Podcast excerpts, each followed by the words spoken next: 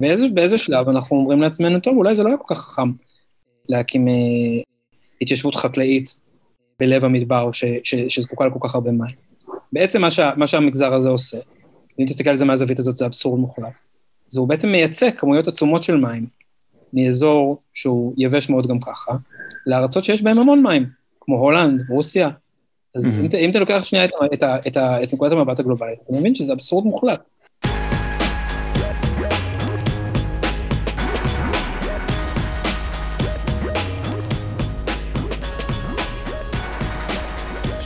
וברוכים הבאים לאורבניסטים, פודקאסט העירוניות והתחבורה, ומהיום גם הסביבה ושינוי האקלים.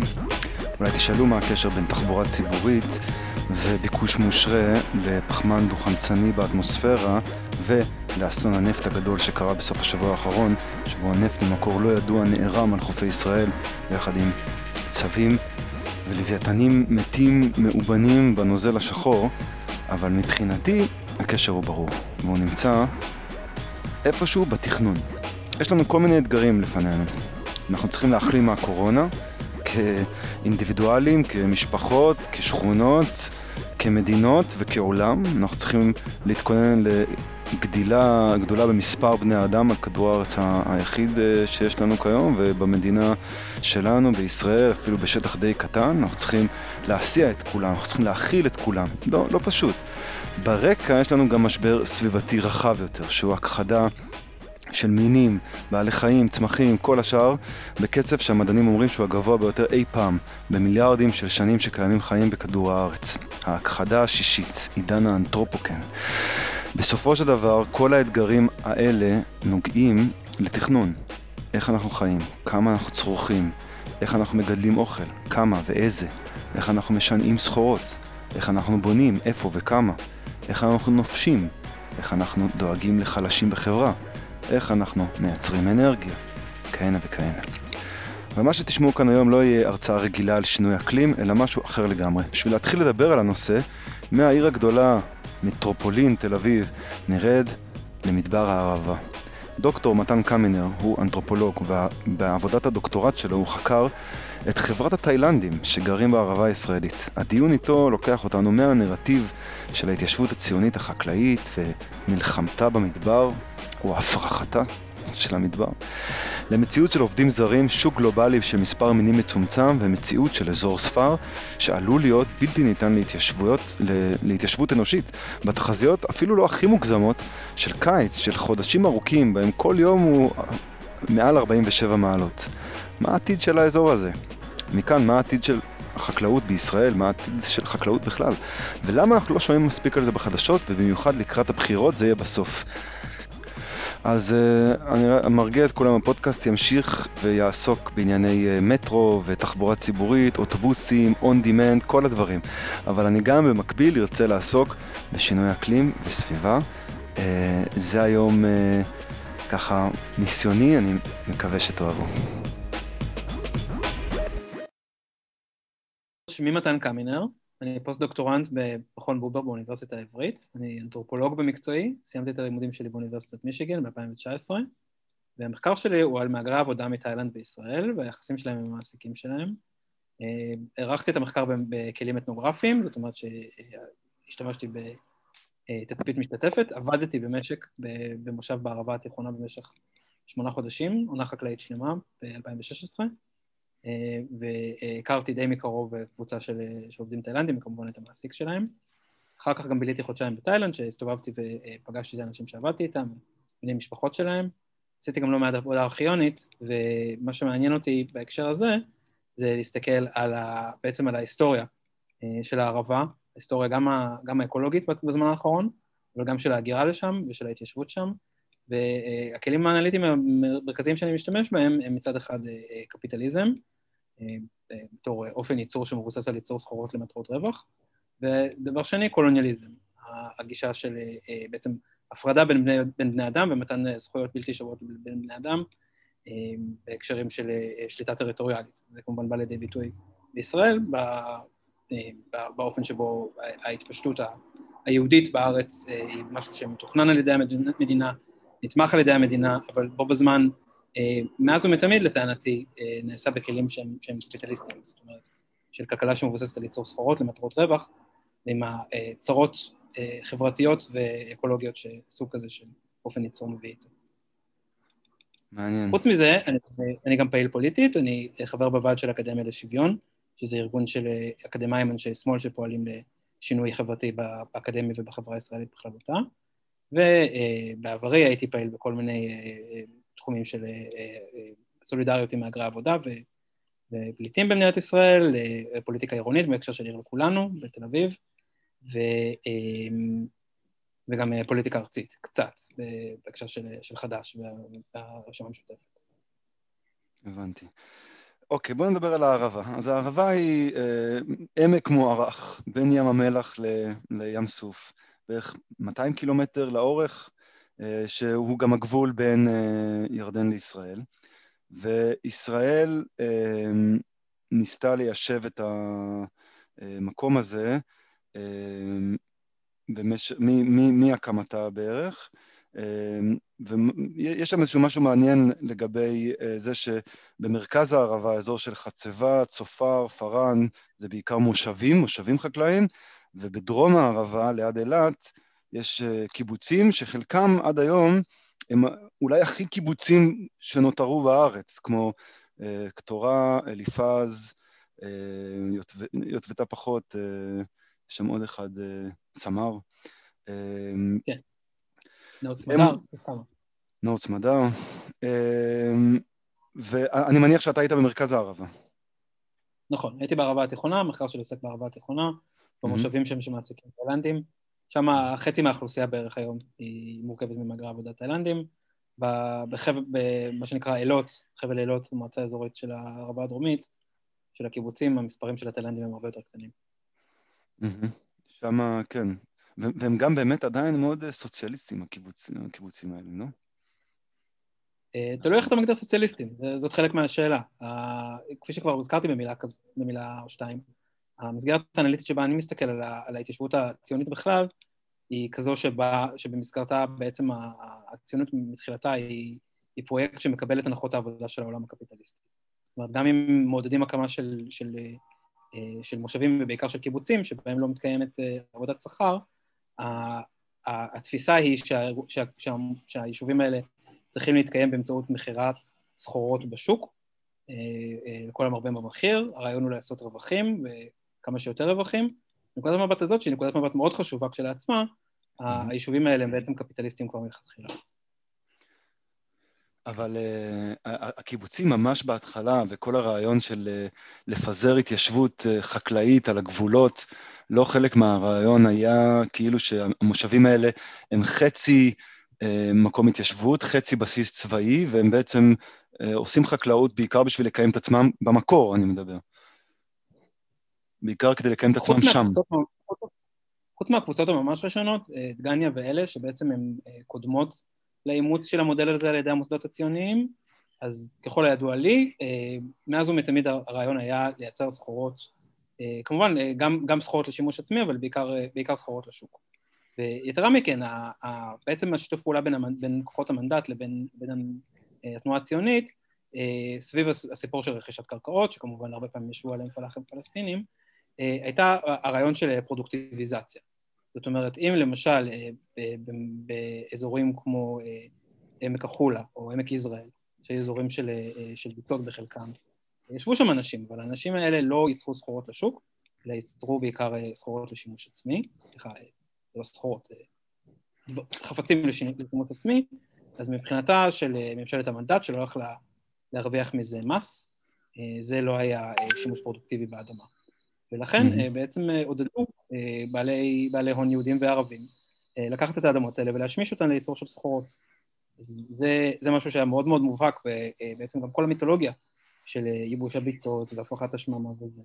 היא מיתולוגיה של, שהקורלט הקונקרטי שלה זה הפיכה של, של שטחים שבעצם קודם לכן היו מחוץ למערכת העולם הקפיטליסטי לחלק מהעולם, מהמערכת הזאת. וזה גם מה שקרה בערבה, אמנם הרבה יותר מאוחר. אבל uh, עד, עד 1948 הערבה לא הייתה אזור ריק, היא הייתה אזור שחיו בו uh, uh, כמה אלפי בדואים עם, עם, עם העדרים שלהם, בעיקר בחורף ובקיץ הם הולכים לאזורים טיפה יותר קרירים. הם גם עשו חקלאות, סוגים די מתוחכמים בעצם של חקלאות מדברית שנחשפת לאחרונה בידי חוקרים שנמצאים בערבה, והצליחו לקיים שם אוכלוסייה שהיא כנראה פחות או יותר דומה לאוכלוסייה שיש שם היום, לא, לא קטנה ממנה הרבה הרבה בכל אופן. ובאופן שהוא, אה, בטח נכנס לזה עוד מעט, באופן שהיה הרבה יותר אה, אה, הרמוני ובר קיימא מבחינה סביבתית.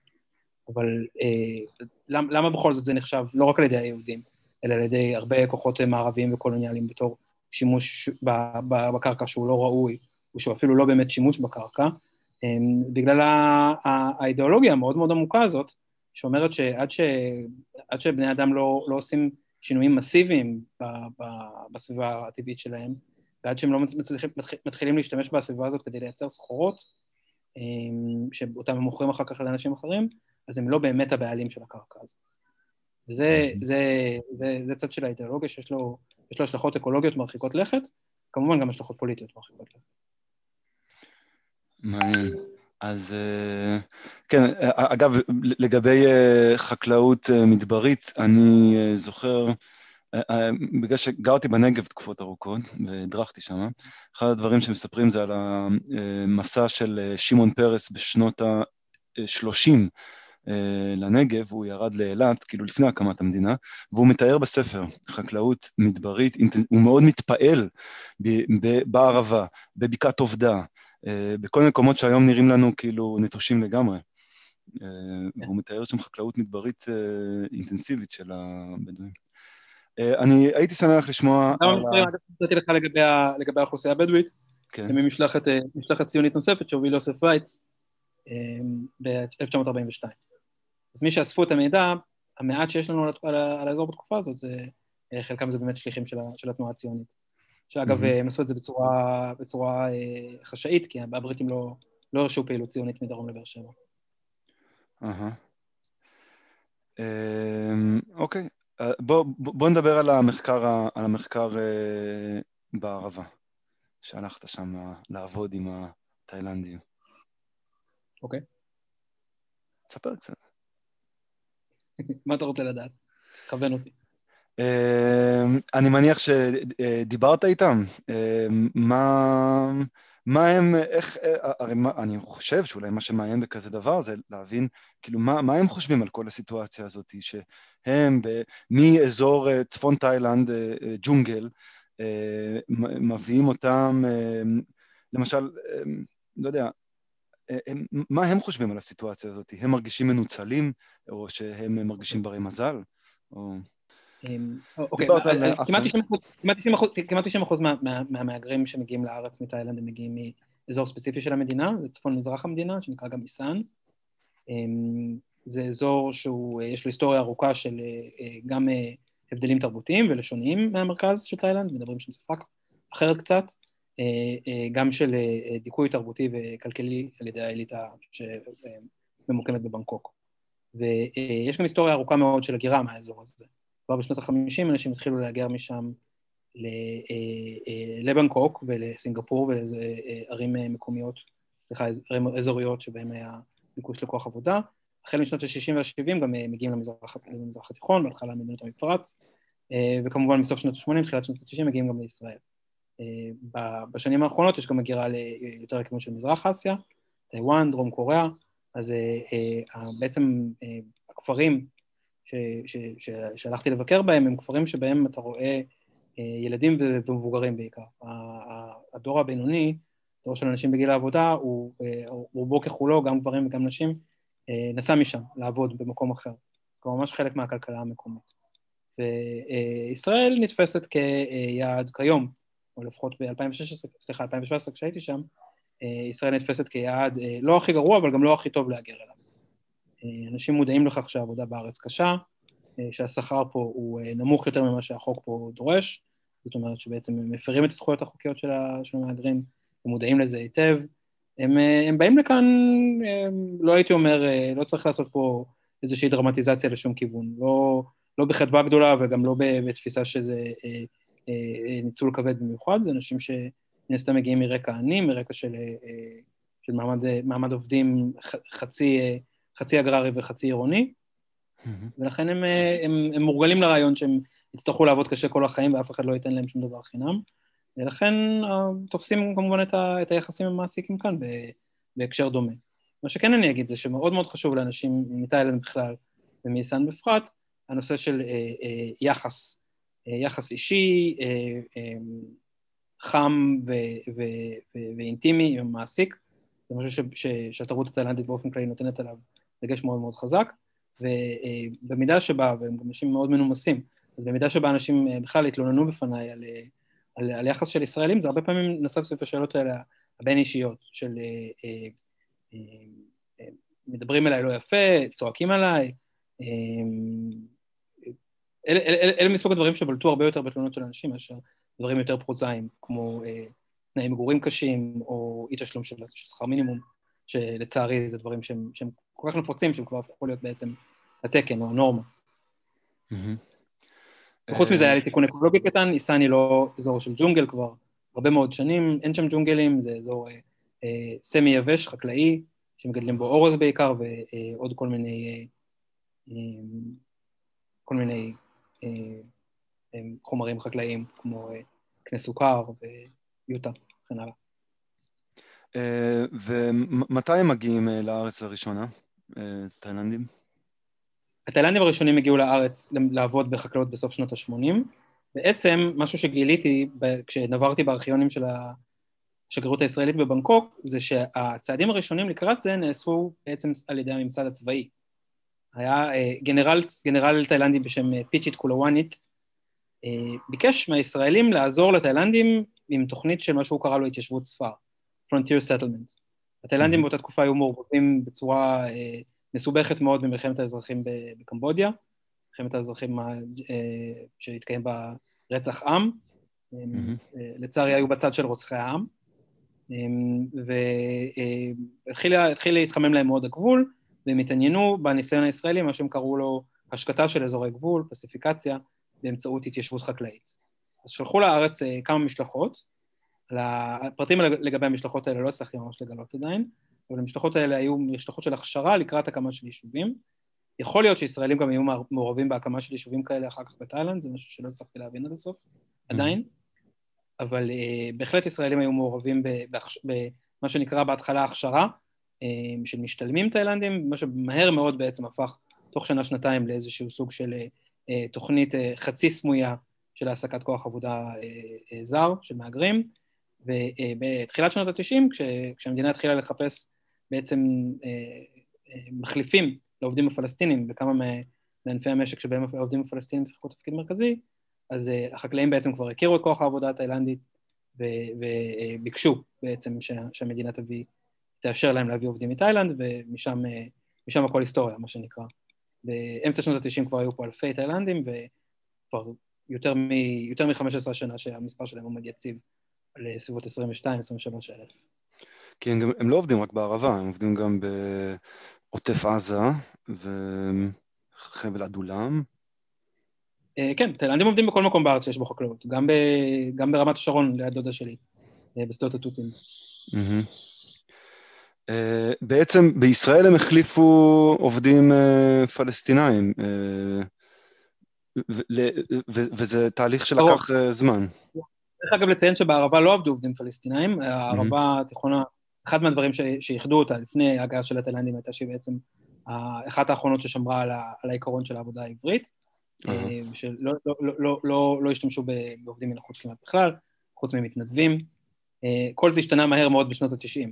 אז אם בשאר הארץ התאילנד, התאילנדים החליפו פלסטינים, בערבה הם ממש, הם, הם, הם לא החליפו אף אחד, הם היו, הם, הם היו כוח, כוח חדש שעשה עשה מהפכה של ממש. מרג'ורי סטרום, שהיא כלכלנית, הייתה נפטרה לצערנו, כלכלנית מהערבה, קרא לזה המהפכה התאילנדית.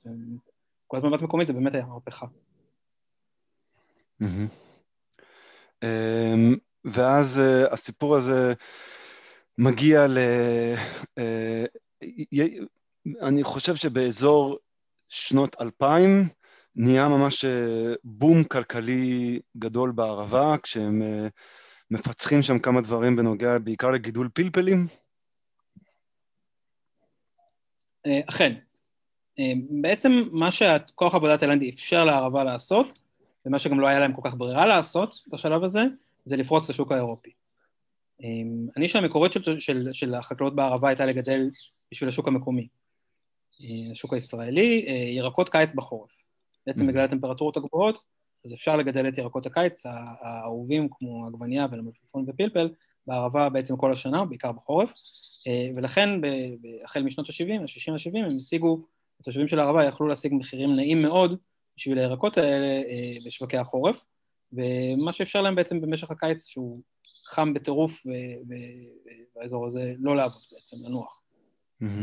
כל זה השתנה מרגע שבשנות ה-80 המדינה הלכה לכיוון של אה, מדיניות כלכלית ניאו-ליברלית ופתיחה של השוק לתחרות. אה, בעצם המשבר האשראי של הקיבוצים והמושבים בא כמעט מיד לאחר ההחלטה הזאת, שהייתה חלק מתוכנית החירום לייצוב המשק, ב-85. Mm-hmm. בעצם החקלאות הישראלית נחשפה כמעט בן רגע לשוק העולמי ונדרשה לסחוט או לטבוע בשוק הזה. מה, שה, מה שהמגדלים בערבה הצליחו לעשות, שוב, הם לא היו יכולים לעשות את זה בלי הזרימה החזקה הזאת והפתאומית של כוח עבודה זול מאוד מחו"ל, זה להתמחות בגידול של פלפלים לשוק האירופי, ובמיוחד לשוק המזרח-אירופי, רוסיה ושם, האזורים האלה זה איפה שמתמחים היום, אבל בתחילה זה היה ממש כל השוק האירופי. ומתישהו באמצע שנות האלפיים, אני לא זוכר בדיוק, היה בעצם, רגע, רגע המזל הגדול של הערבה היה כשמגדלים בספרד, המתחרים הגדולים נתפסו עם, אה, עם חומרי הדברה לא חוקיים, בעצם חטפו איזה, אה, חטפו סנקציות מהאיחוד האירופי, וזה אפשר למגדלים הישראלים לפרוץ לשוק הזה בכל הכוח. אז מה שאנחנו רואים בעצם במהלך שנות האלפיים, אפילו שנות ה-90 כבר, זה אה, שהמגדלים המתקוממים במקום להתפרס על מגוון רחב של ירקות, מתחילים, מתחילים להתמחות יותר ויותר בפלפל. וזה מונוקולטורה, מה שנקרא. יש לזה כל מיני השלכות מסוכנות, גם מבחינה כלכלית-חברתית, גם מבחינה אקולוגית, ואכן בסביבות 2015-2016 הבום הזה אה, נגמר, והרבה מאוד חקלאים פשטו רגל לערבה, אה, היו עניינים מאוד דרמטיות מבחינה כלכלית. אמ, כיום אנחנו רואים שיש איזושהי, תנועה לעבר אה, גידולים אחרים, התמרים הם, הם, הם, הם, הם גידול ש, ש, שתופס מאוד חזק בשנים האחרונות. והוא גם הולך, אבל, הוא גם לייצוא, התמרים. הוא גם לייצוא, וגם שם יש כבר מתחילות, מתחילות חששות אה, לגבי מונוקולטורה ולגבי אה, התמחות יתר בגידול אחד. כמובן כשמדובר בעץ זה, זה עוד יותר מסוכן בגלל שפלפל או אה, רוב הירקות הם, הם חד-שנתיים, אז אתה כל שנה מחליט מה לגדל. כן. ברגע שנתת עץ תמר, אתה, אתה תקוע איתו, שאתה תקוע עם הפסד מאוד גדול. עץ תמר גם להבנתי לוקח איזה עשור עד שהוא בכלל מתחיל לתת, זה, זה השקעה לטווח ארוך. נכון, האמת שממש לא התמחיתי בתמרים, אבל לדעתי זה משהו כמו 6, 7, 8 שנים. Mm-hmm. אה, והיום, לפחות ממה שרואים בתקשורת, החקלאים אה, בערבה הם, אה, ולא רק החקלאים בערבה, כי זה גם סיפורה קצת של כל החקלאות בישראל, הם בוכים. הם אומרים, הממשלה לא עוזרת לנו ואנחנו קורסים, והם מראים את המקומות ככה, איך, איך הכל נובל. כן. אמ, אה, כן. זאת לא הייתה שאלה? אה, כן, שאלה, בבקשה, אם יש לך... בבקשה. אה, כן, תראה, אני לא כלכלן, ואני רוצה לשים, תמיד לשים את ה... נורת האזהרה הזאת לפני שאני מדבר על הנושאים האלה, גם לא בדקתי את המספרים לעומק. מה שכן אני יכול להגיד זה שאופן אחד שבו מדינת ישראל כן מסבסדת את החקלאות, כבר הזכרתי את זה כמה פעמים, זה באמצעות זה שהיא בעצם מעלימה עין מהפרות של זכויות עובדים בענף הזה. שכר המינימום ושאר חוקי העבודה אמורים להיות תקפים לגבי מהגרי העבודה בישראל, בפועל הם לא, בפועל פשוט לא אוכפים אותם.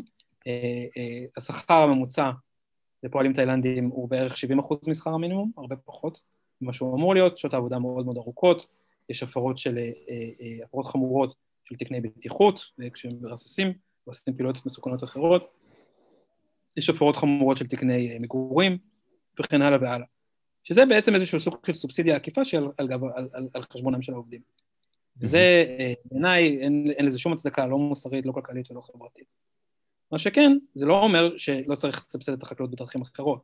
בעצם מדינות ברחבי העולם, כולל העולם המערבי, מסבסדות את החקלאות שלהן, הן רואות שהחקלאות מספקת שירותים אקולוגיים ושירותים חברתיים, ולכן טורחות בעצם לתמוך בחקלאים שלהם בכל מיני דרכים. במדינת ישראל זה כבר כמעט ולא נעשה. מלהיות אחת המדינות שהכי תומכת בחקלאות שלה, להיות אחת המדינות שהכי פחות תומכת בחקלאות שלה, היא עברה תוך פחות משני עשורים. אז אני בהחלט חושב שיש מקום לדיון ציבורי רציני באופנים שבהם אפשר וצריך לתמוך בחקלאות. איפה, זאת גם שאלה, בטח ניכנס לזה עוד מעט, שאלה של אם צריך לעשות חקלאות בכל מקום, מסוימים. גם כמובן ביטחון תזונתי ובריאות, נושאים חשובים שקשורים לסובסידיות בחקלאות. כל הדברים האלה נכונים, אני בגדול מאוד בעד שתהיה חקלאות במדינת ישראל, אבל אני חושב שזה לא, לא הגיוני ולא, ולא מוצדק בעליל שזה בא אחרי ברור. אמ, גם אני לא כלכלן, והייתי מת להבין בנושא הזה יותר. אני מבין שבסך הכל, כאילו, גם בשיח העולמי וגם בשיח הישראלי, יש שני דברים שאומרים לגבי אה, עזרה של המדינה לחקלאות. אחד זה מכסות, כדי להפוך את השוק המקומי ליותר אה, תחרותי, והשני זה סובסידיה ישירה לחקלאי בכל מיני דרכים. אמ, ואני גם מבין, אני, להבנתי, בגלל שאנחנו מדינה צפופה, שהלכה ונהייתה מאוד עשירה, אז זה באמת, המיקום הוא מאוד מאוד תלוי. הרבה חקלאים, אה, או מושבים חקלאיים, וכאן אנחנו נכנסים לבג"ץ הקרקעות וכל מיני אה, דברים שקרו במהלך שנות ה-90 וה-2000, להרבה חקלאים במרכז זה היה מאוד מאוד מאוד משתלם לתת את הקרקע החקלאית שלהם, שיבנו עליה אה, מגדלים ודברים כאלה. זה לא מה, שקוראים, זה לא מה שקורה בערבה, לצורך העניין. אף אחד לא הולך לבנות מגדלים שם. האמת, ש... האמת ש... אגב, זה סיפור מעניין, שכחלק לפני עשור, כשדיברו מאוד ברצינות, ועדיין מדברים לפעמים ברצינות, על התוכנית של ה-Red Med, התוכנית של אה, לעשות um, תעלת הימים, מי שקידם את זה היה יצחק תשובה, ויצחק תשובה פרסם ביוטיוב, אפשר לראות, וידאו שבו הוא מראה שבעצם משהו, החזון שלו לתעלת הימים, זה תעלה שתהיה תעלה יפה כזאת מים סוף אה, לים המלח, ולאורכה הוא מראה מגדלים כמו ניו יורק. אהה. כן. טוב, יש כל מיני פנטזיות בעולם היום, יש גם את העיר הזאת שהסעודים בונים באמצע המדבר. כן. אה, אין ספק. ואם יש לך מספיק כסף, אז אתה יכול לעשות כל מיני דברים. השאלה היא מה המחיר כמובן, מה המחיר הכלכלי, מה המחיר החברתי ומה המחיר האקולוגי.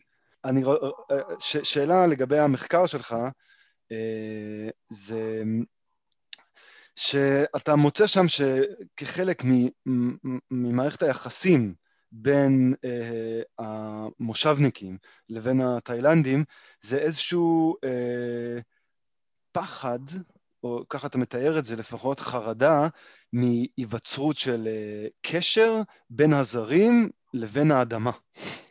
כאילו, אה, קשר, אה, לא יודע, קשר אולי אתה תוכל להסביר את זה. כן, מה שאתה מדבר עליו זה מה שאני מכנה אותו בשם חרדת ניצול. והרעיון כאן הוא שההתיישבות העובדת בעצם חששה תמיד שאם היא תתחיל להעסיק עובדים חיצוניים, ובמיוחד עובדים פלסטינים, אז היא בעצם תרופף את האחיזה שלה, האידיאולוגית וגם הפרקטית, על הקרקע. זאת אומרת, הרעיון הוא שהעיבוד של הקרקע, העבודה, הזיעה והדמעות שנשפכות על האדמה, הם אה, בעצם אה, אפשר לומר, מקדשות את, את, ה, את היחס, את הקשר בין עם ישראל לבין ארץ ישראל, ואם אה, ייכנס באמצע מישהו אחר, במיוחד אם הוא ערבי, במיוחד אם הוא יליד, ויעשה את העבודה הזאת במקומנו, אז זה בעצם ירופף מאוד את הקשר שלנו לקרקע. עכשיו, הטענה שלי לגבי מה שקורה עם התאילנדים, זה שהם נתפסים על ידי המתיישבים כמי, כמו האיש הכחול של, של יונתן גפן, מישהו שבא מסיפור אחר. כל העניין הזה של, אה, אה, אה, של יהודים וערבים, והמאבק על הקרקע, המאבק על האדמה, הם כאילו בכלל לא מעניין אותם. כאילו אני אומר, כן? כי זאת התפיסה. הם באו לעבוד, באו לעשות את הקופה שלהם וללכת הביתה.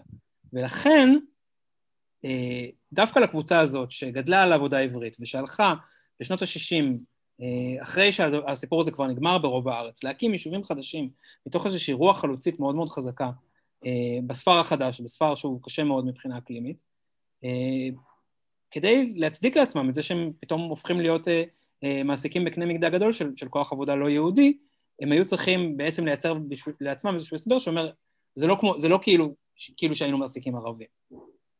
ולכן ההנגדה בין, בין התאילנדי לבין הערבים משחקת פה איזשהו תפקיד, בניתוח שלי משחקת איזשהו תפקיד מאוד מאוד מרכזי, בזה שזה, שזה נתפס כאילו זה בסדר. כן? אתה מסתובב במושבים בערבה ואתה שואל אותם, תגיד, תגידו, איך זה לחיות במקום שיש בו, שחצי מהאוכלוסייה שלו היא לא ישראלית? והתשובה שאתה שומע הרבה פעמים זה, אה, אנחנו לא מרגישים את זה בעצם, אנחנו לא מרגישים אותם. אה, עכשיו, הרבה מזה זה, זה בעקבות אה, אה, דברים ספציפיים שהתאילנדים עצמם עושים, כדי להיות לא מורגשים, כדי אה, להתמזג עם הרקע וכדי לא לבלוט ולהציק ולהפריע, אבל הרבה מזה זה גם התפיסה של, של, של החקלאים עצמם, את, את התאילנדים כמי שבאו לפה רק באופן זמני, ולכן הם לא, מהו, לא מהווים איום פוטנציאלי כמו שעובדים פלסטינים היו יכולים לעבוד. ויש יש, יש אה, יחסית הרבה הפרדה. אפילו שאני גם, אני מכיר סיפורים אה, טובים על יחסים מאוד טובים בין אה, תאילנדים לבין מושבניקים, אבל גם בפועל, בפועל יש הרבה הפרדה. כן, תראה, קודם אמרתי שאני לא כלכלן, ואני גם לא אה, אה, פילוסוף של המוסר. אני לא בא להטיף פה לאף אחד מוסר. Mm-hmm. יש יחסים טובים ויחסים רעים מכל, בין כל מיני סוגים של אנשים בכל מיני מקומות. מה שמעניין אותי כאן זה לא, זה לא אה, להכריז אם היחסים האלה הם טובים או רעים, אלא לתאר את הדינמיקה. והדינמיקה, במיוחד כשאתה מסתכל על, על המרחב הציבורי בערבה, היא מאוד מאוד מובהקת. לתאילנדים אין מקום במרחב הציבורי, המרחב הזה הוא מאוד מאוד מופרד. אה, יש להם למשל אה, מכולות משל עצמם, מה שנקרא תאילנדיות, ששם הם קונים, למרות שלא בהכרח יותר זול שם מאשר בסופר. יש להם חיי חברה משל עצמם, טורנירי כדורגל וטרקראו. בגדול הם, הם, הם, הם שומרים על מרחק, וזה משהו שה, שה, שהמושבניקים מאוד מעודדים אותו, שלא לומר כופים אותו עליהם. אמ, אוקיי, ועכשיו נגענו כבר בסיפור הזה שעתיד הערבה הוא, אה, הוא לא, לא, לא ברור. יש, יש באמת אה, הרבה תוכניות, אה, כמו מה שדיברנו עליו, תעלת הימים, ש, שעדיין, אני חושב, בעיקר הירדנים מנסים לקדם עם הרבה מימון מהבנק העולמי. ואתה לא מזמן פרסמת מאמר, או שאתה עובד על מאמר, אה, לגבי, אה, לגבי עתיד הערבה, משהו כזה. אה, אני אשמח... כן, זו טיוטה של מאמר, טיוטה של מאמר שהגשתי ל-International Journal of Middle East Studies, לא התקבל ולא נדחה עדיין, אז זה חזון למועד. והמאמר הוא לא, הוא לא ברור בו על, על העתיד של הערבה, אלא דווקא על העבר שלה, על העבר הקרוב ועל ההווה, אבל כן, יש לי שם כמה, אה, כמה, אה, כמה תהיות לגבי הכיוון העתידי. כן. אז uh, אני הייתי מאוד שמח לקחת את הדיון הזה לגבי העתיד של הערבה ולדבר על, וכיוון שהפודקאסט הזה עוסק ב, בעיקר בתכנון, uh, האמת הוא עסק בעיקר בתכנון עירוני, אבל תכנון מרחבי ו, ובכלל מדיניות, קרק, מדיניות שימוש בקרקע זה נושא שאני חושב הוא קשור מאוד ומעניין מאוד. אז אני אשמח כן. לדבר על הנושא הזה בהקשר של בכלל עתיד החקלאות, mm-hmm. עתיד ההתיישבות העובדת בישראל. כן. אז, אני, אז בוא, אני אתחיל בפרובוקציה. בעצם המסקנה מהמאמר שלך היא שאתה תוהה האם יש בכלל, האם יש עתיד להתיישבות החקלאית בערבה? האם לא, אה, מעבר לאידיאולוגיה, לא הדבר הכדאי לעשות, אני מניח, כל הבחינות, הוא לקפל, לקפל וללכת. כן, זאת הפרובוקציה שהמאמר נגמר איתה, אבל אני רוצה אולי אה. בכל זאת להגיד כמה דברים על, ה, על, ה, על הדאטה ש, שעליו היא מתבססת. אוקיי. Uh, כפי שכבר הזכרתי קודם, לפני הכיבוש הישראלי הערבה הייתה um, ביתם של, של, של אוכלוסייה, של אוכלוסייה בדואית שעסקה אה, במרעה ובחקלאות גם יחד. אה, חקלאות בעל, אך ורק כמובן לא, לא השתמשו ב... סליחה, כן השתמשו קצת בבארות ומעיינות, אבל לא, לא היה אה, שימוש נרחב במי תהום. וככל הידוע לנו, כמובן המחקר על זה הוא, הוא, יש עוד הרבה מחקר לעשות, וככל הידוע לנו היה משהו מאוד, מאוד בר קיימא ומאוד יציב באופן שבו, שבו הבדואים השתמשו בקרקע. Mm-hmm. עכשיו, ההתיישבות, ההתיישבות הישראלית שינתה את כל זה לחלוטין. עוד לפני הכניסה של התאילנדים, אה, כאמור, אני מתעקש על כך ש, שמדובר בקפיטליזם גם, אה, גם לפני הניאו-ליברליזציה של המדינה. אז גם mm-hmm. בשנות, הש... בשנות ה-60 וה-70 שמגדלים לשוק המקומי, מגדלים סחורות, מגדלים למטרות רווח. אה, ומה שזה אומר זה שמנסים להפיק יתרונות לגודל מכל מיני, מכל מיני אפשרויות. ובעיקר נשענים על, על, על עזרה של המדינה, שמאפשרת לגדל שם סחורות. אז כדי לגדל סחורות אתה צריך דרך להוציא אותם, זה אה, המדינה סוללת לך כביש הערבה, אה, אתה צריך מים, אה, בשביל, בשביל להשיג מים חפרו עמוק מאוד לתוך אקוויפרים עתיקים שאינם מתחדשים, mm-hmm. כדי, כדי, כדי, כדי להוציא מים, שבמידה רבה היו כבר מליחים מלכתחילה, זה בסדר להשקעה של ירקות, אבל לא, לא כל כך לשתייה. Mm-hmm. ואפילו היו צריכים לייבא אדמה. האדמה בערבה היא לא, היא לא אדמה טובה לחקלאות, וממש הביאו לשם במשאיות אדמה מחלקים אחרים של הארץ כדי לאפשר אותה. עכשיו, בשנות ה-90 כל זה בעצם צובר תאוצה. יש לך גם את העבודה של לירון שני שמדבר על המחלוקות, או אפילו המריבות בין חקלאים לבין אנשי סביבה בערבה, סביב השאלה של השטחים הפתוחים וההשמדה של, של חורשות עצי, עצי השיטה, שהם מן המפתח באזור. אז יש לך השמדה של, של צמחייה וכמובן גם של, של חיות בר, של צבעים ואיילים ויעלים, והתחום שלהם שנראים מזמן. יש לך, יש לך עבודה של... אז, אז, אז מה התחלתי להגיד? שהשמדה של, של, של, של, של שטחים פתוחים, והאלימות של שטחים פתוחים ושל חורשות עצי השיטה, שהם מן המפתח של הערבה, עליו ממנו ניזונות, ניזונים האיילים, שגם להם יש טורפים, שהטורפים האלה לצערנו רובם כבר נעלמו. הטורפים של הצבעים, אני מדבר על זאבים ונמרים וכן הלאה. בנוסף על כך, יש לך אה, אה, התמלכות הולכת וגדלה של מקורות המים וזיהום שלהם בדשן בעצם, בחנקות שבאות מהדשן שמאכילים את הצרכים, ובעצם גם אם אתה שואל חקלאים בערבה, גם אם אתה מראיין, מחפש רעיונות עם חקלאים בערבה, בשנים האחרונות כולם מדברים על בעיית המים, המים הולכים ונגמרים, הולכים ומתמלכים, שזה אותו דבר, ו- וכמובן גם יש לך את ההשפעות של ההתחממות הגלובלית, שהערבה היא גם ככה נמצאת בקצה העליון של מה שבני אדם מסוגלים לסבול מבחינת חום בקיץ, ואנחנו יודעים שהטמפרטורות בכל הארץ עולות, בערבה הם כנראה יעלו אפילו יותר מהממוצע, מה שאומר שאנחנו נדחקים קרוב מאוד לגבול העליון שבו בני אדם יכולים לשרוד, או יכולים לשרוד בהפעלה מסיבית של, של, של מזגן ושל של כל מיני מערכות קירור שהן כשלעצמן מאוד מזהמות 24 שעות ביממה. אז, אז כן, הולכת ונשאלת השאלה, אני חושב שהיא שאלה, שאלה סבירה ושאלה שמותר לשאול אותה. באיזה, באיזה שלב אנחנו אומרים לעצמנו, טוב, אולי זה לא היה כל כך חכם להקים, להקים התיישבות חקלאית בלב המדבר ש, ש, שזקוקה לכל כך הרבה מים. בעצם מה, שה, מה שהמגזר הזה עושה, אם תסתכל על זה מהזווית הזאת, זה אבסורד מוחלט. זה הוא בעצם מייצא כמויות עצומות של מים מאזור שהוא יבש מאוד גם ככה, לארצות שיש בהם המון מים, כמו הולנד, רוסיה, אז mm-hmm. אם אתה לוקח שנייה את, את, את, את נקודת המבט הגלובלית, אתה מבין שזה אבסורד מוחלט. אמ, ולכן, אני לא אומר, שוב, אני צריך לעשות את ההסתייגויות הרגילות על מה ש... לאיזה מקצועות אני לא שייך, כן? Mm-hmm. אני לא מתכנן חקלאי, אני לא מתכנן בכלל, אמ, אני לא רוצה לפסוק או אה, אה, להחליט ש, שלא צריכה להיות התיישבות בערבה. כל מה שאני רוצה לעשות זה להצביע על, על, על, על, על כל, כל מיני נורות אזהרה שמעבבות מאוד מאוד חזק. אגב, חלק גדול מהמחקרים שאני נשען עליהם הם מחקרים של מדענים שהם, שהם פעילים בערבה עצמה, אה, חלקם הגדול במו"פ האזורי, אז אה, אני, אני לא חושב שאני עושה, אומר פה משהו שמישהו לא יודע.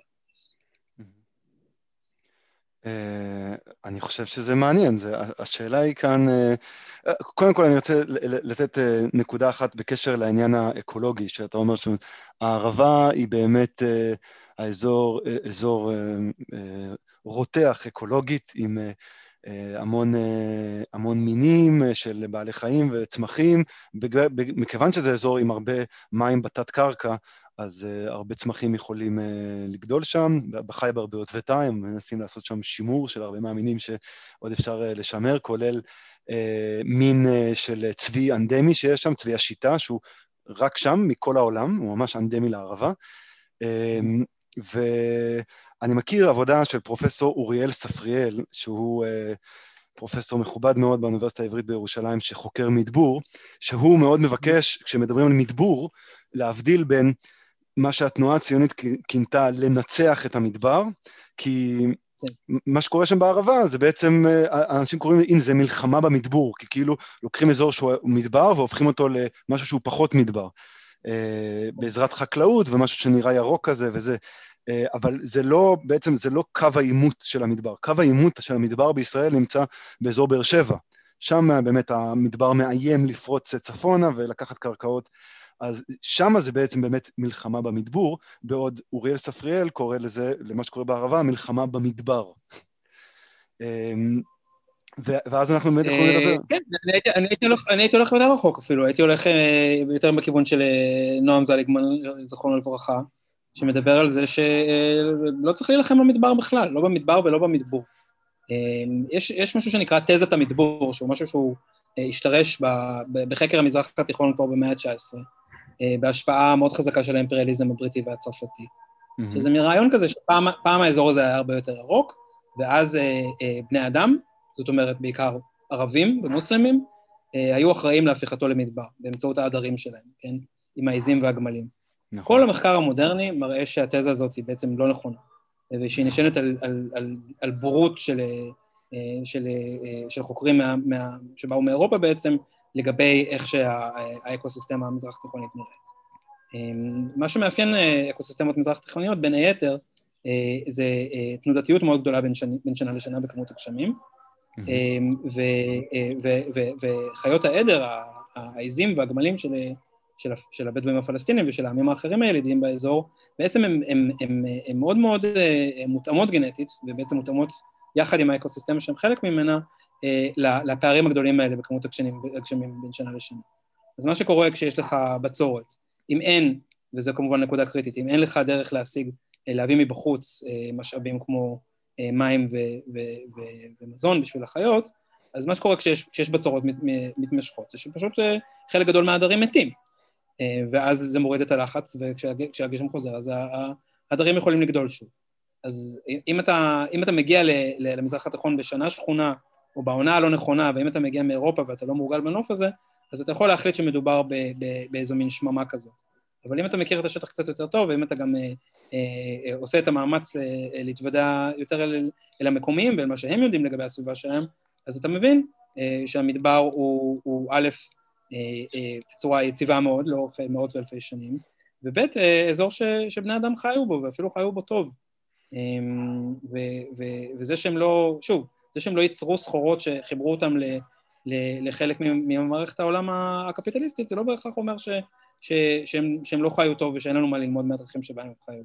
אני חושב שהחקלאות, אה, אה, החקלאות, ב, אה, החקלאות הבאה, המתוחכמת במיוחד שהבדואים עשו בערבה, הייתה יכולה ללמוד אותנו המון. לצערנו, בגלל השינוי האקלימי, כנראה שהיא כבר לא, שהיום כבר לא אפשר לעשות, כבר אי אפשר לעשות חקלאות מהסוג הזה בערבה, בגלל שפשוט כבר נהיה יבש וחם מדי. אבל כן. אין שום ספק ש, ש, שיש לנו אה, אה, הרבה מה ללמוד מעמים שחיים במדבר, והרבה מה אה, אה, לתחקר מחדש את כל הקטגוריות האלה של, אה, של מדבור ושל מדבר, שלא לדבר על, ה, על, ה, על המיתוס, שהוא לגמרי מיתוס אידיאולוגי, שלפיו הערבי הוא אבי המדבר, וה, והתפקיד של, ה, של האירופי, בין אם זה יהודי או נוצרי, היא להפריח את השממה ולהפוך את, ה, את האזורים היבשים האלה לירוקים. יפה. אז, אז אני יכול, אני יכול להגיד, כאילו, ככה, זה אולי קצת מנקודת מבטי, mm-hmm. בתור מישהו שהתעסק אה, באקולוגיה מדברית ומבין בהנדסה סביבתית, שבקשר, אתה צודק, לגבי אה, התחממות גלובלית וההתחממות, לא מזמן בדיוק קראתי, מה, עכשיו יוצא ספר חדש של פרופסור מאוניברסיטת תל אביב, שאני מקווה לראיין גם בקרוב, על, בדיוק עכשיו היה בהארץ, אם ראית, הסוף שבוע של הארץ היה ראיון איתו, אה, על, אה, על זה ש... בדיוק. דני רבינוביץ'. אז אה, אני קורא את הספר שלו, והוא מדבר שם על התחזיות של ההתחממות במזרח התיכון, והוא מראה שם שיש תחזיות שמראות על עם התחממות של, עד, של 4 עד 5 מעלות במה, ב, ב, באזורים המדבריים של המזרח התיכון עד סוף המאה, שזה באמת יהפוך הרבה אזורים לאולי בלתי ראויים למחיה, שלא נדבר על חקלאות. בלתי, כאילו, יכול להיות שערים כמו דובאי או פשוט אה, אי אפשר לחיות בהם בחוץ, אי אפשר... אה, גוף האדם לא יחזיק מעמד בחוץ אה, לאורך זמן. יש מצב כזה. גם ערים כמו אילת. וגם ערים כמו אילת. כן, לגמרי. אילת זה, זה האזור. עכשיו, מצד שני, יש לנו טכנולוגיות שהן טכנולוגיות חדשות, מה לעשות, כמו טכנולוגיית ההתפלה, שהיא טכנולוגיה מהפכנית מהבחינה הזאת, שהיא הופכת את הבעיה של המים להיות אותה בעיה כמו אנרגיה. התפלה זה טכנולוגיה שצריכה המון אנרגיה בשביל לייצר מים טובים לחקלאות ולשתייה, תלוי בכמה שאתה רוצה אותם טובים. ואז, ואז המטבע שלך הופך להיות בעצם האנרגיה. שהאנרגיה היא באמת uh, uh, הנקודה הבעייתית, ומה שרבינוביץ' טוען, וזה משהו שאני גם uh, מאמין בו, שאנחנו צריכים להסתכל על, uh, על הפוטנציאל האנרגטי שיש uh, לאזורים האלה, uh, במיוחד למדבר שלנו, שהוא עצום, מכיוון ש...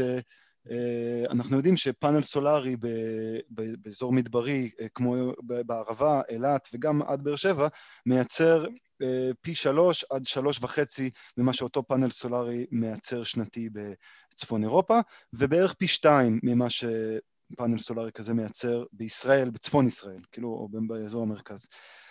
ואנחנו גם יודעים, דבר מאוד חשוב, שהעיר אילת היא כבר היום אחד האזורים היחידים בעולם שקרוב ל-100% אנרגיה מתחדשת, מכיוון שיש שם הרבה מאוד אנרגיה מתחדשת באזור הזה שפותחה, במיוחד בדרום הערבה. אה, הם כבר היום מייצרים 80-90 וגם אה, יש אמירות, אה, כאן זה כבר הכל שאלה של טכנולוגיית ההגירה, שגם נמצאת כבר, שהם בעצם יכולים לחיות על 100% אנרגיה מתחדשת שם, ואילת היא לא עיר חסכנית באנרגיה, וגם היא מתפילה מים בשביל... וגם היא מתפילה מים בשביל כל המים שלה לשתייה. ואז יש לך כאן שאלה, מה העתיד של הדבר הזה? כשאני... אני חושב שאנחנו יכולים לחזור לשנים שבהן דיברנו על, אה, על, על אסם תבואה, אתה יודע, כמו שברוסיה דיברו על אוקראינה כאסם תבואה, ולדבר על אה, הערבה כאסם תבואה ואנרגיה של ישראל.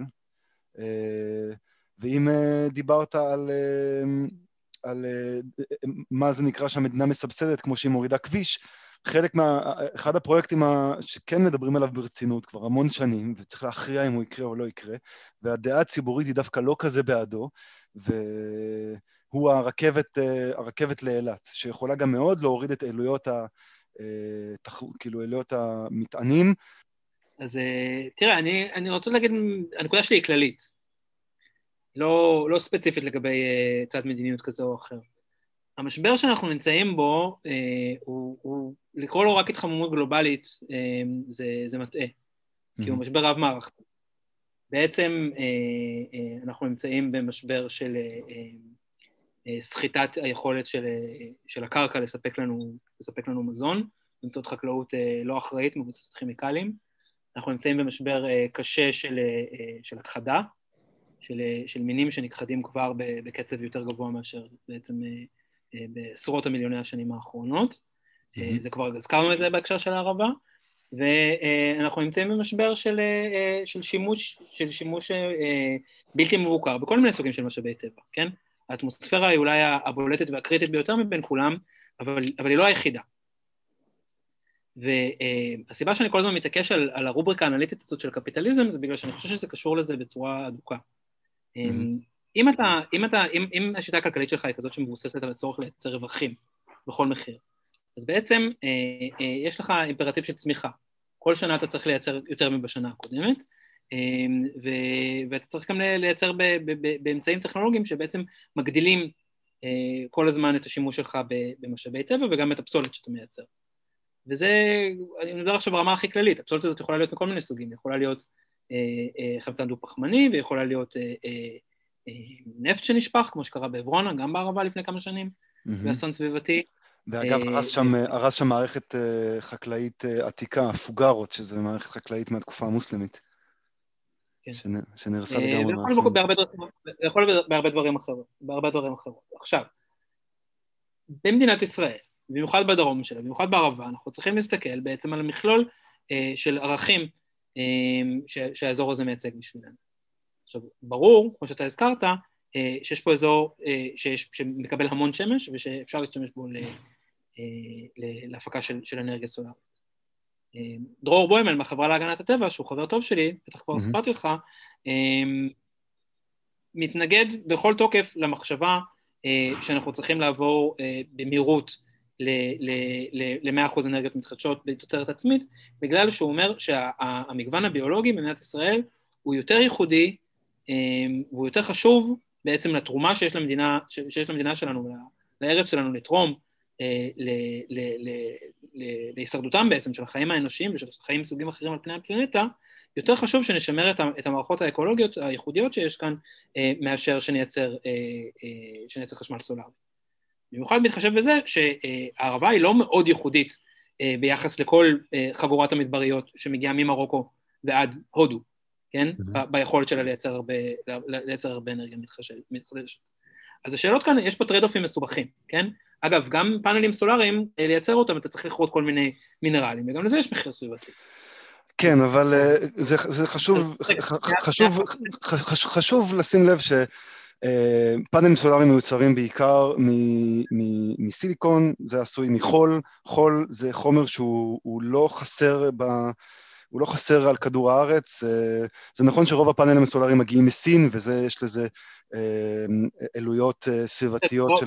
פה לא נקרא, הנדסה של פאנלים סולאריים זה בטח ובטח לא המקצוע שלי. נכון, לא, אבל מה שאני אומר זה ש... רגע, רגע, רגע, רגע, אני מנסה כן. פה איזושהי נקודה שהיא יותר עקרונית, יותר חשובה בעיניי, יותר חשוב בעיניי שתבין את הנקודה העקרונית שלי מאשר שנתווכח על צד מדיניות כזה או אחר.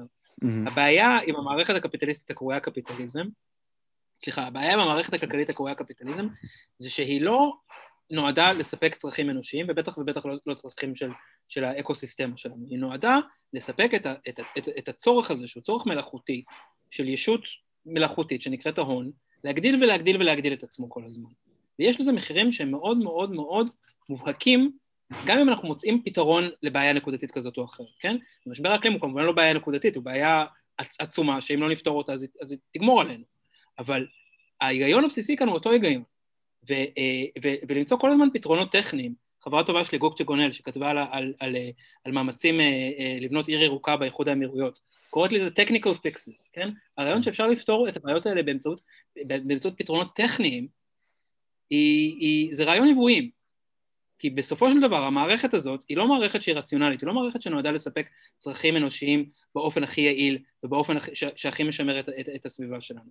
ולכן היא, יכול, היא יכולה, יכולה ליצור לך כל מיני רעיונות כאלה שהם באמת, בסופו של דבר המצב, אני, אני עומד על זה שהמצב הזה שבו אחד האזורים הכי יבשים בעולם מייצא מים לאזורים הכי רטובים בעולם, יש פה משהו מאוד מאוד לא רציונלי במערכת הקפיטליסטית העולמית הזאת, כן? ולכן גם לבנות על זה שהמערכת הזאת אה, תשתנה באופן שבו אה, אה, אותם אנשים שמרוויחים עכשיו הון יוכלו להרוויח עכשיו הון אבל בדרך קצת אחרת, mm-hmm. אני לא קונה את זה.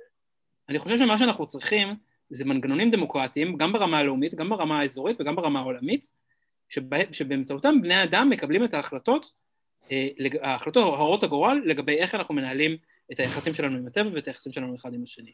זה מה שנקרא סוציאליזם או קומוניזם, תלוי את מי שואלים, וזה בעיניי, אה, אה, בלי ללכת לכיוון הזה, די, די, די הלך עלינו, אנחנו די, די אבודים.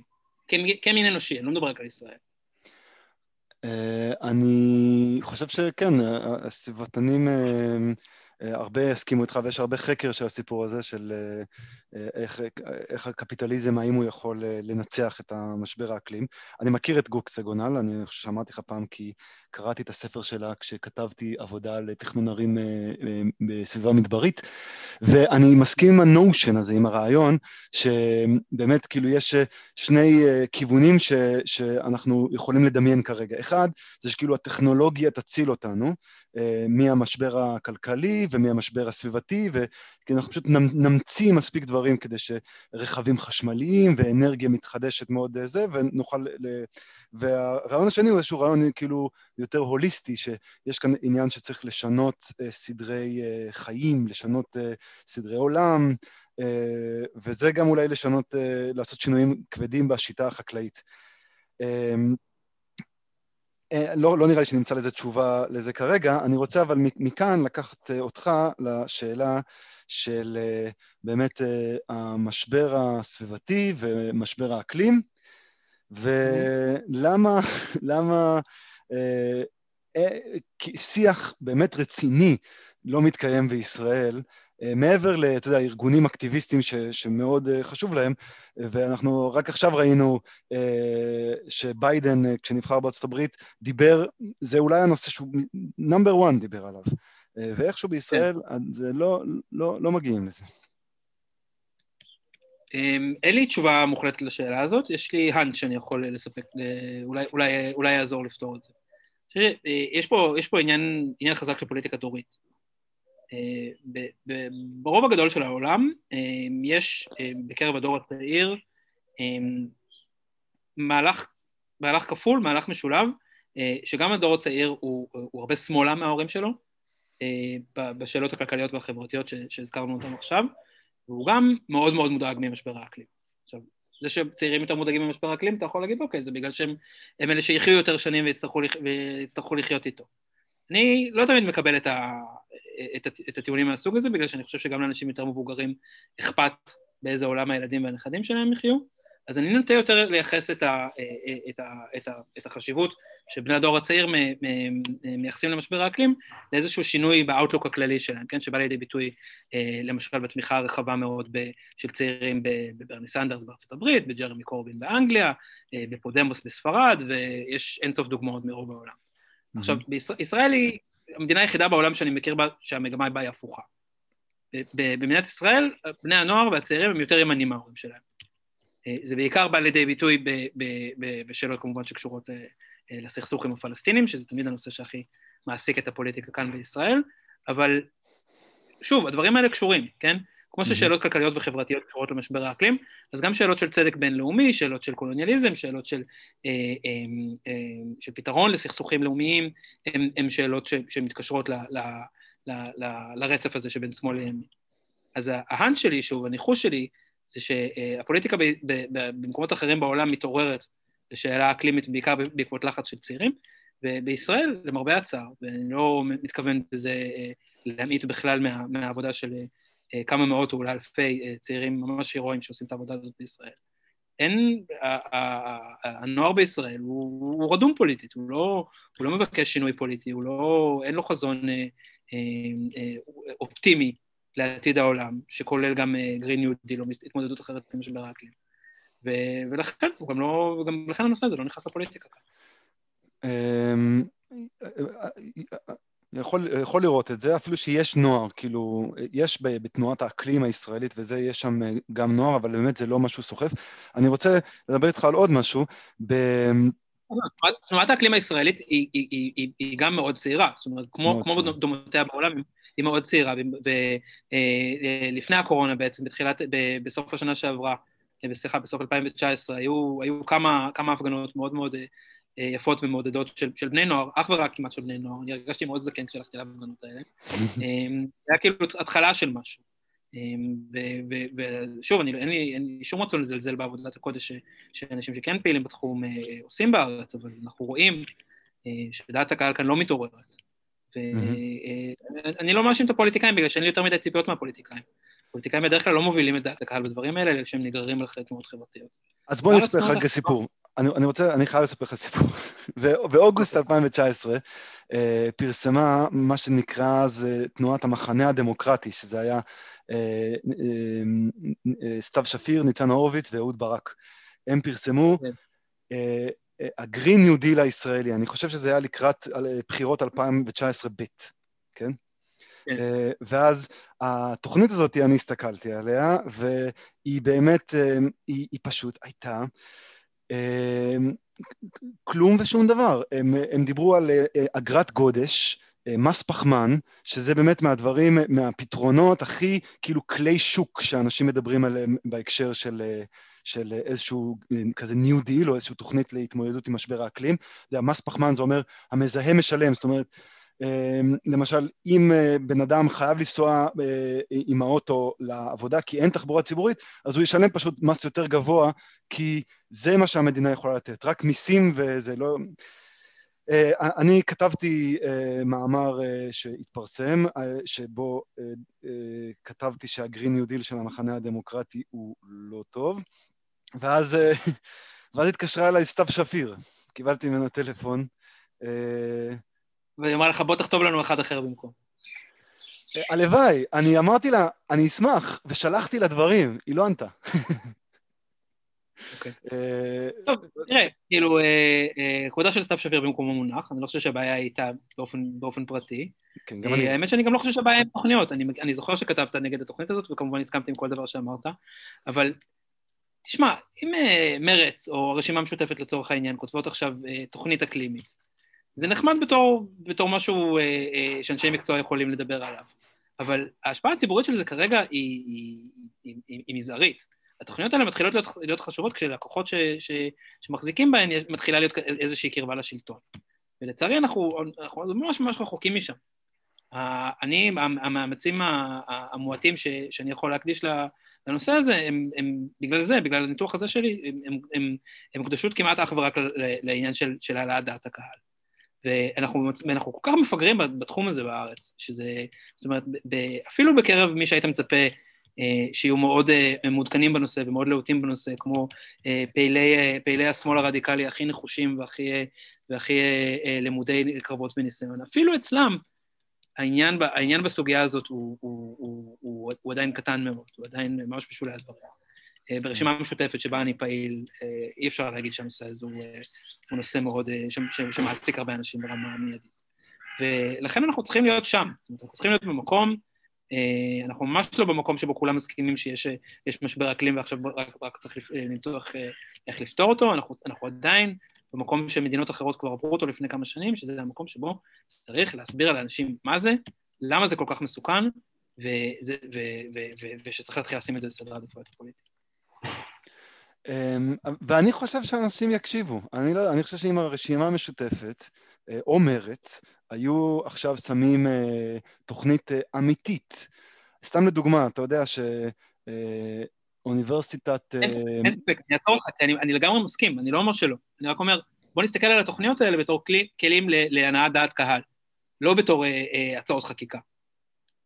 כן, אני מסכים, אבל אה, אה, תשמע, תוכנית שהתפרסמה כתוכנית אקדמאית בקיץ שעבר באוניברסיטת קליפורניה, לגבי זה שארצות הברית, מישהו עשה מודל, הראה ארצות הברית יכולה להיות ב-100% אנרגיות מתחדשות ב-2035, תוך 15 שנה. עכשיו, ביידן אימץ את זה בקמפיין שלו, ועכשיו ביידן מאמץ את זה כתוכנית עבודה, 2035. זה פתאום השנה שמדברים עליה, שזה, שזה שאפתני מאוד, מכל הבחינות. אני קצת יותר ספקן לגבי ביידן מרוב, מרוב הפיד, אבל אה, חייב לנראה, הלוואי. אה, כן. לא, אה, תשמע, לגבי ה trade-off בין, בין טיפול במשבר האקלים לבין טיפול במשבר סביבתי רחב יותר, אז אני, ברור שיש עניין בזה. אני אישית, מתור היכרות טכנית עם הפרטים, מאמין שלגמרי יש לזה פתרון. ואני אישית חושב ש...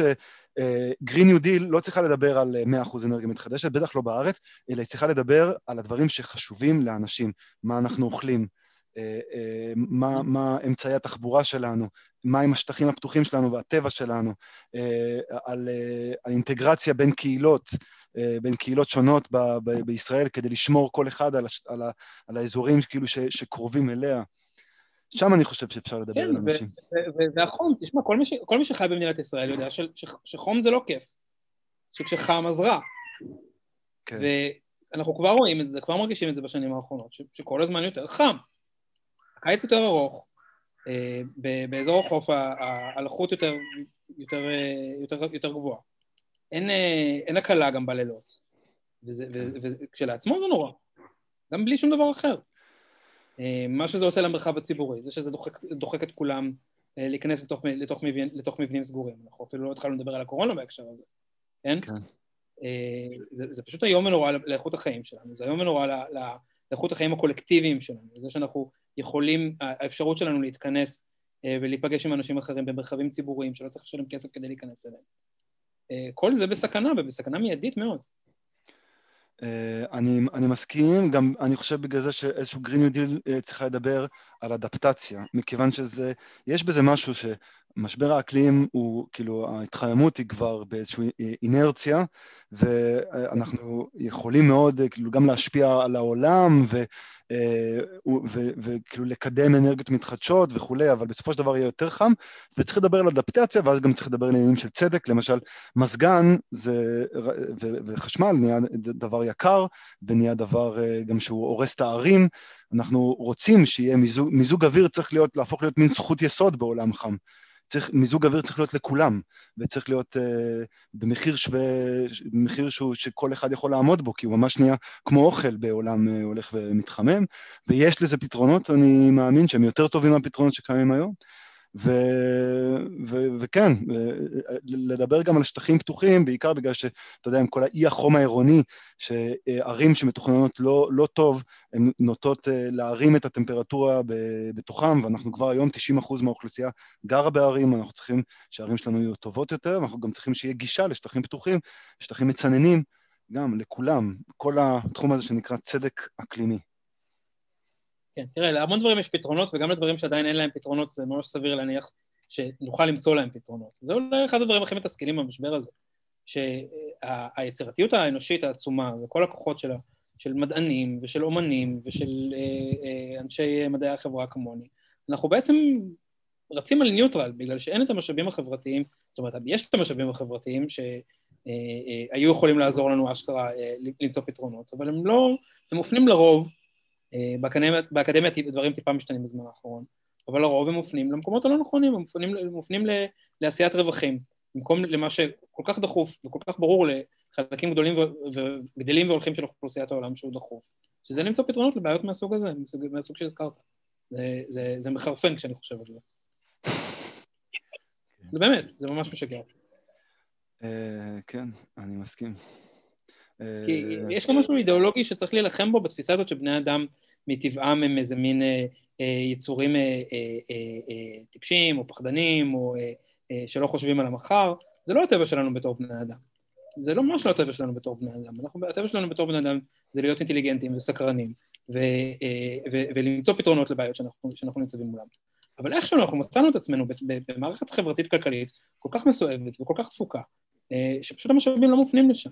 כשהם כן מופנים לשם, תראה אה, ההישג המדעי המדהים של החיסונים לקורונה, כן? זה, כשהמשאבים מופנים לשם, אז, בני אדם מסוגלים לעשות דברים מדהימים.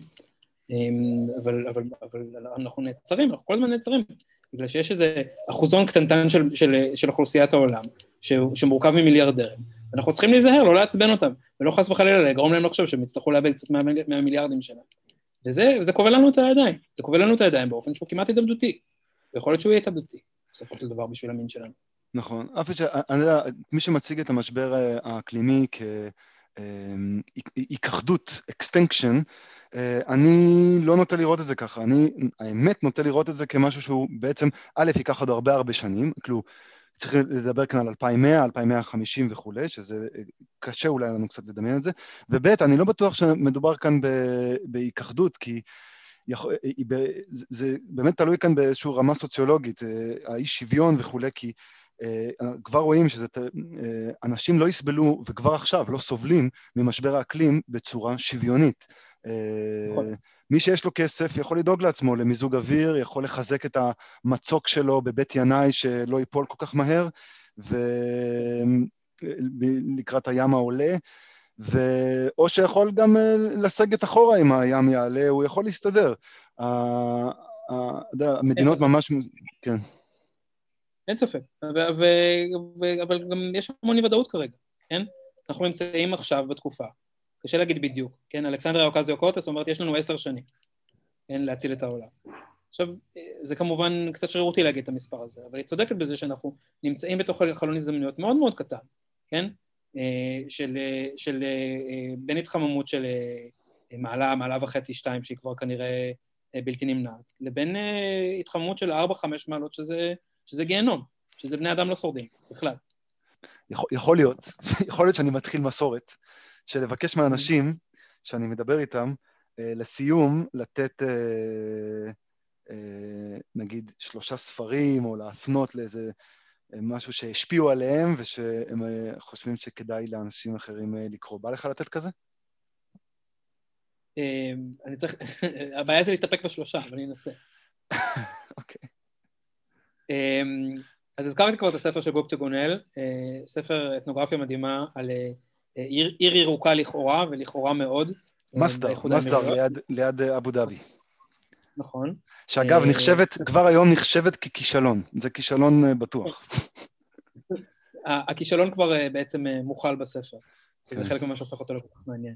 אז הספר שלה, Spaceship in the Desert, ספר, ספר מאוד, מאוד קריא וקצר, אז ממש מומלץ, גם למי שאנגלית היא לשפת אימם. קצת יותר קשה ברמה האקדמית, זה הספרים של ג'ייסון W. מור, Capitalism in the Web of Life, וכל ספריו של אנדריאס מלם, עוסקים בדיוק בשאלות האלה של קפיטליזם ומשבר האקלים שהזכרתי.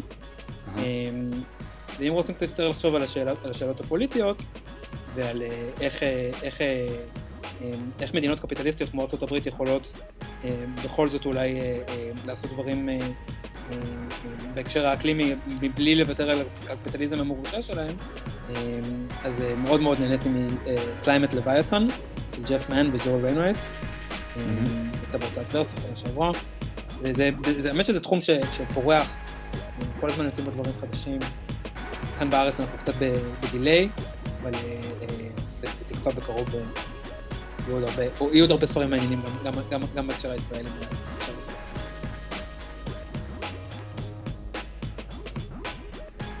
טוב, אז עד שנשמע יותר על אסון הנפט בים התיכון שהיה בסוף השבוע שעבר, אני רוצה להוסיף שני דברים לסיום.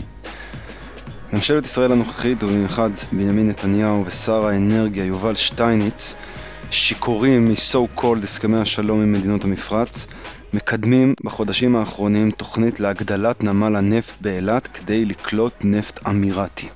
לאפשר מעבר של הנפט דרך צינור הנפט הוותיק קצ"א שדלפת המון פעמים בהיסטוריה שלו, ובפעם האחרונה בגדול ב-2014 בין עברונה מצפון לאילת. מדענים אה, ואנשי סביבה מבהירים שאין התכנות לא כלכלית, לא סביבתית, לא חברתית, פשוט חוץ משני המטורללים, נתניהו ושטייניץ, מדובר על אסון בוודאות שמאיים באופן מיידי לא רק על שנוניות האלמוגים ולא רק על איכות הים באילת, והוא מאיים על עתיד אזור אילת והערבה, שפשוט מתכננים, רוצים לכאורה להפוך אותה מעיר תיירותית, אולי הכי יפה בארץ, לעיר תעשייתית. כל ארגוני הסביבה בישראל, ממש כולם, שלחו התנגדות, במיוחד עכשיו לאור האסון בים התיכון. אה, ממליץ להתרשם ולעקוב אחרי המאבק הזה. שמחתי השבוע להשתתף בהשקה האינטרנטית של גרין יהודי לישראל. התארגנות ששמה לה למטרה, אני מקריא, לפעול באופן מיידי להתמודדות עם משבר האקלים ולשנות מהיסוד את סדרי העדיפויות של הממשלה, משיטה של רווחים למעטים לשיטה של רווחה ושגשוג לכולן. ההתארגנות הזאת היא צוברת תאוצה, וכדאי לבדוק מה קורה עם זה. אפשר למצוא אותם בפייסבוק, Green New Deal לישראל, או באתר Green New Deal באנגלית מחובר, .org.il, ואני מצרף לינק ב description. בינתיים תודה רבה לדוקטור מתן קמינר, תודה רבה לכל מי שניקה את החוף במו ידיו בסוף השבוע האחרון, תודה לאיתמר, די.ג'יי טרומפלדוף על הביט ואונגה על העיצוב, עד כאן האורבניסטים, להפעם.